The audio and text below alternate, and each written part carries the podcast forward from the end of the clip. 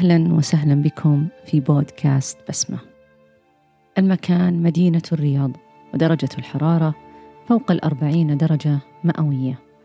الساعة السادسة مساء. وفي الطريق المؤدي لبيت أمي لفت انتباهي منظرا غريبا وغرابته أنه كان يتكرر كل مرة أذهب فيها لزيارة أمي حيث يصطف أكثر من عشرين شخصا أغلبهم من الشباب. بنات وأولاد على باب أحد المقاهي منتظرين بل صابرين حتى يأتي دورهم في دخول المقهى رغم الحر الشديد.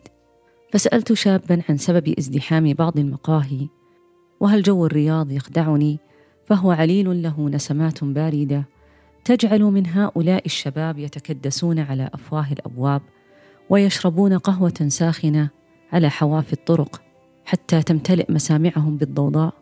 وصدورهم بالغبار وعوادم السيارات ويزيدون المنظر بؤسا حين يشعلون السجائر ويصعد الدخان فيتكون فوق رؤوسهم كسحابة لا أدري تمطرهم بقطرات ماء أو شرارات من نار.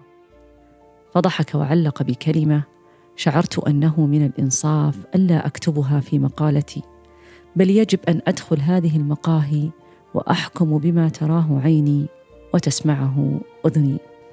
انتظرت طويلا حتى تنخفض درجة الحرارة وبعد شهرين استجمعت صبري وفضولي لأنه لم يخيل لي ابدا أن سبب الازدحام هو من أجل الحصول على كوب قهوة فقط بل هناك أسباب أجهلها. لا بد من معرفتها لأكتب مقالتي هذه وأسباب تستحق أن يصبر هؤلاء الشباب على الحر وطول الانتظار. دخلت المكان وجلست على طاولة تمكنني من رؤية المشهد بوضوح. كان المكان مزدحما ومليء بالأصوات. أسندت رأسي على يدي وفركت جبيني بالأخرى. أتحسس أفكاري. كان أكثر من يرتاد المقهى الشباب وأقصد بكلمة الشباب الأولاد والبنات. وبما أنني قضيت عمرا من عمري معهم نسيت للوهلة الأولى السبب الذي جئت إليه. وأخذت أجمع كل مواقفي معهم حسنها قبل سيئها وقليلها قبل كثيرها وألملم ما تفرق من شوارد ذكرياتي معهم. ثم تداركت نفسي وعدت إلى زماني أنفض من رأسي ذكرياتي حتى لا تؤثر على رأيي فأخذت أذكر نفسي بسبب مجيئي هنا وأنني لم أدخل لأراقبهم وأفتش عن أخطائهم. أخذت أتأمل دخولهم. فبعضهم دخل صامتا خاشعا مطرقا رأسه وخافضا بصره وجلس وحيدا على طاولته بلا صاحب وبلا كتاب ما عدا هاتفه الذي انكب عليه حتى أنه فقد حواسه فلا يسمع ولا يرى ما يجري حوله بل إنه فقد الشعور بعالمه تماما. وبعضهم دخل نافخا رأسه ينفث سجارته بقوة وقد علقت في فمه ابتسامة ساذجة والتف حوله أشباهه أو بما يسمون بالشلة. لن أسلط الضوء على الحيار القادمين من عمق الفراغ العالقين في عنق زجاجة الحياة. لا تدري هل سيتنفسون الحرية يوما ما أم سيموتون مختنقين. سأسلط الضوء على من لفت انتباهي فقد دخل ثلة من الشباب وكان نسمات باردة من السلام هبت بدخولهم. كانت طاولتهم قريبة جدا مني وبدون أن أسترق السمع كانت أحاديثهم تصل إلي وكانت صافية مثل أذهانهم لخلوها من تعقيدات الحياة. تكوموا على أنفسهم ولا تعلم جمعتهم القهوة وأحاديثهم أم أنفسهم الهاربة من ضوضاء البشرية. كانوا مقبلين على الحياة. ترى فطرة الله نقية.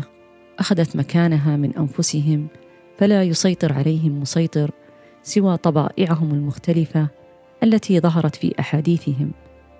أخذت أنظر إليهم وأتأمل ملامحهم المشبعة بالبشر.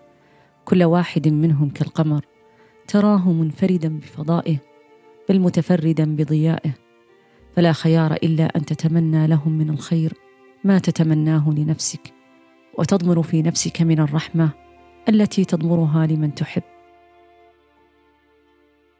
تناولت قهوتي بينهم ومسكت بهاتفي أقلب أخبار العالم وساءني جدا ما قرأته في مسبة وطني وما هي إلا عشر دقائق وتحول المقهى إلى ساحة قتال. فعلت الأصوات وتغيرت الوجوه وتناول الشباب هواتفهم بدلا من أكواب القهوة وكأنها السيوف شعرت أن الخبر الذي ساءني وصل إليهم فنغص عليهم هذا الهدوء فتناولوا القاسي قبل الداني ونكلوا بكلماتهم أعداءهم أشد التنكيل فاشتعلت مواقع التواصل الاجتماعي بهم. رأيتهم بلحظة يفارقون عالمهم الهادئ ليعتركون عالما مليئا بالأحقاد والشر ضد وطنهم. عالما يخاصمهم ويحاربهم بلا ذنب. رأيت أمامي أحرار والأحرار صعب أن تستعبد عقولهم. كانوا غاية في القوة والكرامة. لذا يخطئ من يظن بهم الظنون أنهم لا يتعدون المقاهي وعاجزين عن ترك أحاديثهم خلفهم بل عند الوطن يتحولون من حمام سلام إلى أسود أشاوس. وكأن لسان حالهم يقول أيها الحاقدون إلا وطني. وإن رذيلة الرذائل أن نشرب قهوة على مسبة وطني. كنت أظن أني أعرف عن حب الأوطان كل شيء ولكني رأيت شيئا عجيبا. رأيت حب الوطن ممزوجا بدماء الشباب وأنه حاضرا معهم في كل مكان وأن حبهم له إيمان والدفاع عنه مسؤولية. فمن لا يعرف حب الأوطان فليأتي المقاهي حاضنة الشباب وسيرى الوطن حبا معقودا بنواصيهم وولاء حيز في قلوبهم. رأيت شبابا يدافع عن وطنه حتى أنني أجزم أن السلام يلوذ من أعدائهم إليهم وأنهم قادرين على إسقاطهم من مسرح الحياة أذلاء وتنهزم تحت أقدامهم آمال المعتدين عليهم حتى الإفلاس. فلا يكون نصيب واحد منهم من آماله أوفر من نصيبه من أمانه. خرجت من المقهى وبيدي فنجان قهوتي وكرامتي وشمخت فخرا حتى أني كنت لا أرى دربي وقلت انعم يا وطني فحسبك من أبنائك ولاء وحبا حتى يغبطك عليهم المحب ويحسدك العدو. شباب لا يمن عليك عيشه فيك ابدا ولا يجامل ولا يحابي فيك احدا ولا يصاحب من يبغضك وينتقدك بحال من الأحوال أو يسخر منك جدا ولا هزلا. ولا يخالط كارهيك عمدا أو عفوا. انعم يا وطني فأبناؤك سدا منيعا في وجه من يعترض أمنك. واشرب قهوتك أيها الشباب وكن مخلصا في حبه تكن أطول الناس عمرا وأطيبهم ذكرا. واجعل حبك له الوارث منك فهو مجدك, فهو مجدك وإن قلت أيامك. وإن قلت أيامك وإن قلت أيامك.